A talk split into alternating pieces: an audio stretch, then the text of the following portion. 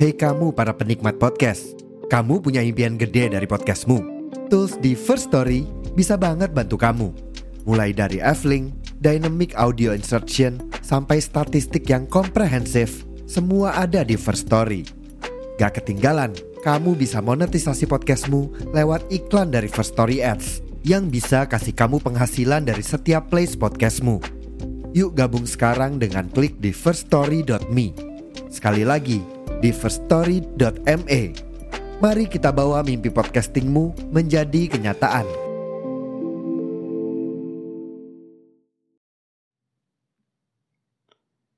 Halo, selamat datang di podcast Komik Indo, tempat gue bahas komik tanpa bias patriotik.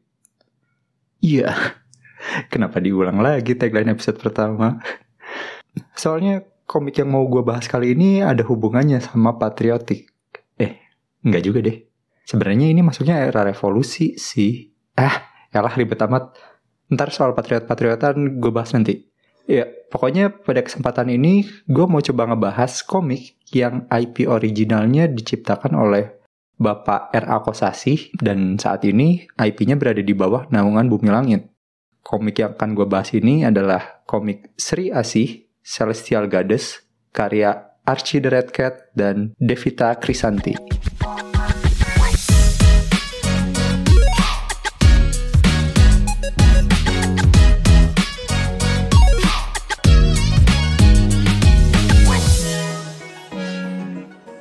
Sri Asih Celestial Goddess adalah salah satu dari sekian banyak judul komik Sri Asih.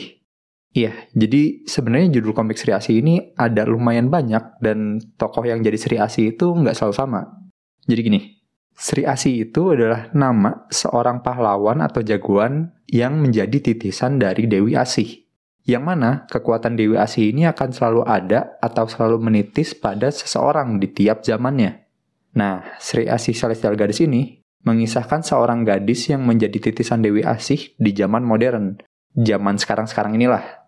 Namanya Alana. Seorang siswi SMA yang terbilang cukup tegas dan apa ya? Diceritakan cukup bisa diandalkan lah sama teman-temannya. Cuma yang nggak diketahui sama teman-temannya itu, Alana sejak kecil diberkahi kemampuan untuk melihat makhluk halus atau lembut yang mana dia sendiri sering ketakutan sama sosok dari makhluk-makhluk itu. Nah, pada satu malam ada kejadian di mana teman-temannya Alana kesurupan, diganggu makhluk halus dengan energi negatif gitulah. Pada kejadian itu, akhirnya Alana bisa dapat kontak batin dari Dewi Asih dengan jelas. Dan akhirnya Alana nerima kekuatan dari Dewi Asih dan menjadi Sri Asih sang pahlawan pembasmi kejahatan yang mempunyai kekuatan melawan energi negatif di muka bumi. Gitu. Oke, komentar gue soal komik ini, kalau dirangkum dalam dua kata tuh Maho Sojo. Sorry kalau lu nggak setuju atau kesannya ngebanding-bandingin dengan genre komik Jepang. Tapi dia tuh literally seorang perempuan yang punya kekuatan magis gitu. Jadi mau nggak mau otak gue langsung ke sana. Oke itu skip aja, kita lanjut ke karakternya Alana sebagai siswi SMA. Sebenarnya gue nggak terlalu banyak punya referensi komik sojo, jadi mungkin tebakan gue sih dia memang punya karakteristik karakter utama dalam komik cewek ya, beauty and strong gitu. Ah, mungkin hal yang unik buat gue, karakter Alana ini dijelasin kalau dia sosok yang selalu terlihat cool di mata teman-temannya. Tapi di sisi lain dia tuh sebenarnya bucin. Biasanya kan kalau karakter cool walaupun suka sama seseorang jatuhnya jadi kayak jual mahal gitu ya. Ya kalau bahasa wibunya mah sundere lah. Jadi menurut gue unik aja berusaha nyatuin dua hal yang cukup bertolak belakang. Walaupun sebenarnya menurut gue sisi bucinnya Alana nih jauh lebih mendominasi ya. Ya mungkin karena di komiknya selalu diceritakan POV-nya dari Alana. Tapi mungkin lebih menarik kali ya kalau sisi coolnya Alana lebih sering ditonjolin gitu. kalau kata netizen mah menunjukkan seberapa kuat bahwa anak perempuan pertama dalam keluarga gitu. Terus kalau sebagai Sri Asihnya, gue dapat banyak komentar kalau karakter Sri Asih Alana ini adalah Sri Asih dengan development yang paling bagus atau paling kelihatan gitu.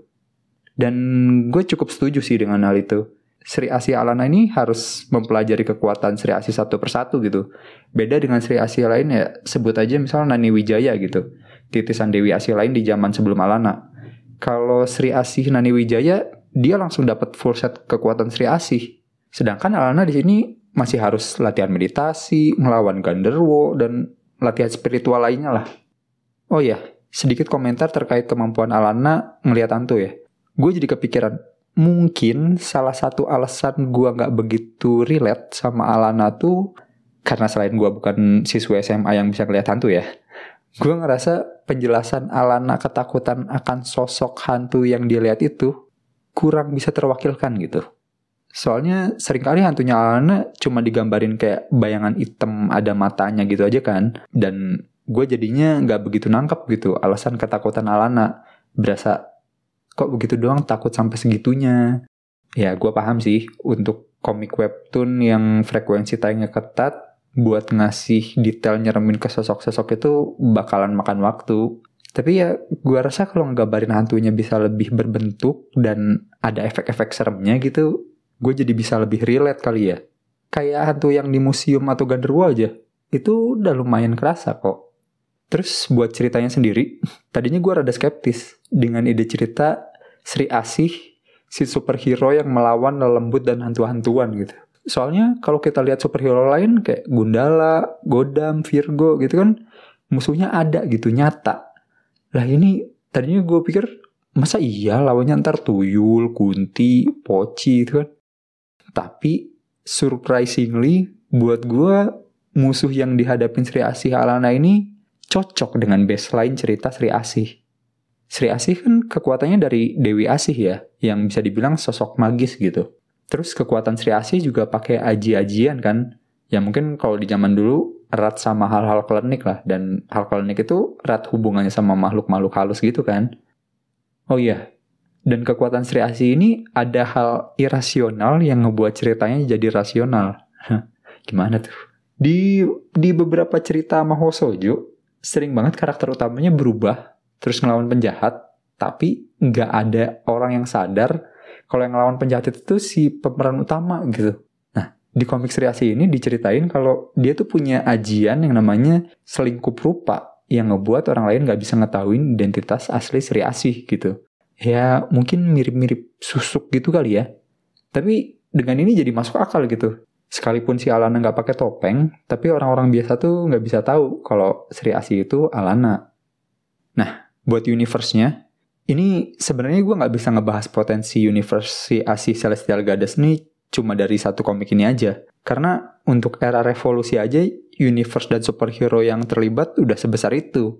Belum lagi nanti kalau ngomongin era-era ke belakangnya gitu. Tapi kalau gue bahas sekarang, satu episode podcast aja nggak bakalan cukup. Jadi gue mau keep it low aja, ngebahas universe yang dijelasin di komik Sri Asih Celestial Goddess aja dulu. Plus mungkin sedikit intro tentang pembagian zaman Sri Asih kali ya. Oke, pertama untuk zaman di universe-nya Bumi Langit, di mana universe Sri Asih berada, zamannya itu terbagi ke beberapa zaman dan di tiap zamannya itu selalu ada Sri Asih, baik di era pusaka, era jawara, era patriot, ataupun era revolusi. Nah, seperti yang gue bilang tadi, untuk Sri Asih Celestial Goddess ini, zaman yang diambil adalah era revolusi, zaman modern. Dan di komik ini juga sempat disebut ada superhero lain selain Sri Asih, kayak Gundala, Aquanus, sama Virgo. Nah, balik lagi ke skeptisnya gue tentang Sri Asih dan makhluk halus. Ternyata dengan ngebuat Sri Asih ngelawan makhluk halus ini, ngebuat universe-nya Sri Asih harus bergesekan sama negeri dan dimensi siluman gitu. Jadi di sini dijelasin kalau dulu itu bumi dihuni sama siluman dan seiring berkembangnya zaman siluman tergeser sama keberadaan manusia. Nah ini nggak tahu nih, apakah pemisahan penghuni siluman dan manusia ini adalah akibat Gunung Toba meletus, yang mana jadi awal dari era legenda atau bukan, tapi pergeseran penghuni di muka bumi ini ngebuat sebagian siluman nggak suka sama manusia. Dan menurut gue sinergi ini yang bisa ngebuat cerita Sri Asih tetap jalan sekalipun dia itu bisa dibilang superhero yang lawannya makhluk halus gitu. Dan kalau ditarik mundur lagi ke era legenda, Sri Asih di zaman itu tuh berasal dari kerajaan Rawaya yang memang karakteristik utamanya itu punya kekuatan spiritual yang tinggi gitu. Oke, okay, buat gue pribadi, komik ini tuh kalau boleh dibilang bukan selera gue, tapi gue rasa ada beberapa poin yang justru mungkin lo akan suka. Soalnya emang kalau nggak salah, target pembaca dari seri Asih Sel Sel Gadis ini remaja perempuan umur belasan atau 20-an lah kayaknya. Dari target pembaca aja udah bukan gue kan ya. Tapi tetap ada beberapa poin yang bahkan gue sebagai yang bukan target utamanya bisa ngerasain itu tuh hal yang bagus gitu. Dan satu hal yang buat gue selalu kepikiran sama komik ini dan menurut gue unik, gue cukup sering nemu cerita yang kategorinya tuh plot driven atau karakter driven gitu. Cuma buat komik seri Asih Celestial Goddess ini ini sotoy-sotoyannya gue aja ya.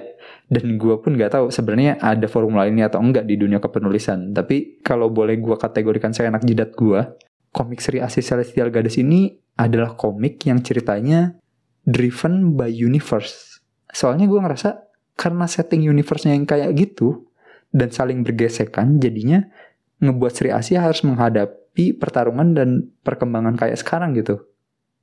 Aneh ya? Iya aneh sih kayaknya emang. Kayaknya gue mengada-ada aja sih ini. Oke skip.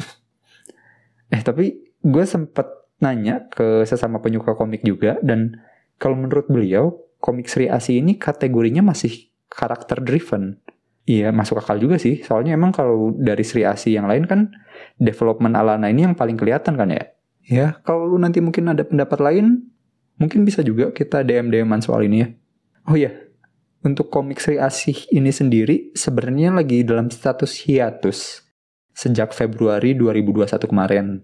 Tapi kalau lu mau baca, lu bisa baca full season satunya di webtoon gratis. Asal lu punya apps dan kuota bisa langsung gas maraton baca. Atau kalau yang suka fisiknya juga ada komik fisik Sri Asih Celestial Goddess dan komik-komik Sri Asih yang lain. Untuk komikus-komikusnya sendiri, uh, sekarang masih aktif di dunia ilustrasi dan masing-masing juga ada project sendiri-sendiri. Nanti untuk link Patreon, karya Karsa, dan lainnya gue taruh di deskripsi kayak biasa ya. Siapa tahu lu mau kepoin karya terbaru mereka dan mau ngedukung mereka secara lebih juga kan ya. Oke, kayaknya segitu dulu buat review komik kali ini. Dukung terus perkomikan Indonesia, bukan hanya karena nasionalitas, tapi juga karena kualitas. Semoga bertemu lagi di episode selanjutnya. Bye-bye.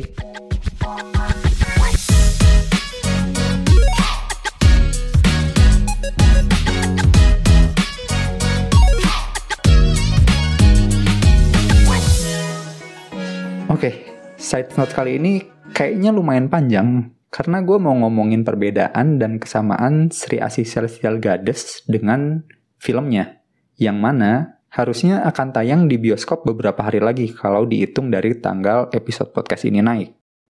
Oke, pertama, untuk cerita di film, dia menggunakan nama karakter yang sama dengan yang di komik yaitu Alana sebagai Sri Asih. Walaupun sebenarnya ada beberapa kandidat lain kayak Nani Wijaya atau Rangganis. Tapi Alana di film layar lebar nanti juga jelas bukan Alana yang sama dengan yang di komik.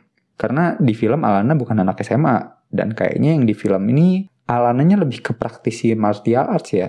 Terus juga ada beberapa entitas yang sempat disebut di trailer film, tapi nggak ada di komik. Yang pertama Dewi Api.